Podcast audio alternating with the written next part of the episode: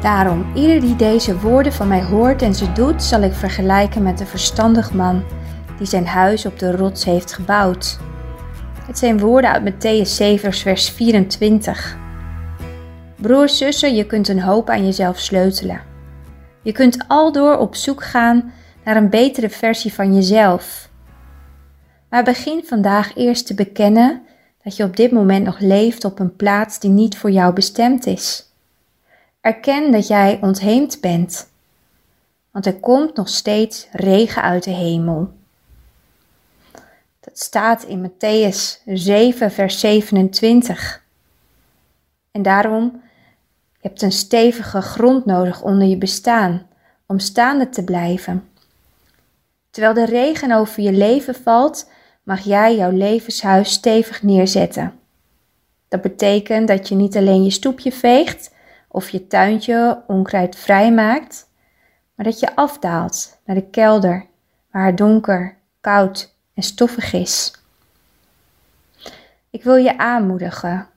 Laat God komen op de donkerste plekken van je levenshuis, zodat Hij daar zijn intrek kan nemen. Zo krijgt Hij de kans om Zijn licht te laten schijnen op het donkerste plekje. Op die manier is jouw levenshuis gebouwd op de levensrots, Jezus Christus. Je kunt een hoop aan jezelf sleutelen. Je kunt ontevreden zijn over je leven.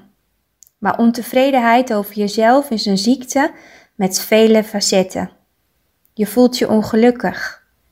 En dat gevoel bepaalt hoe je denkt, wat je zegt, wat er leeft in je binnenste en wat je uitstraalt. En daarom is het zo belangrijk om van tijd tot tijd stil te staan bij je onvrede. Een vraag deze ochtend aan jou, aan u is: welke negatieve gedachten halen je aldoor naar beneden? Wat maakt dat jouw leven weinig vreugde kent? In harmonie leven is een levenskunst, maar daar past geen onvrede bij. Als onvrede aan je deur klopt, broers, zussen, doe dan open met Gods waarheid.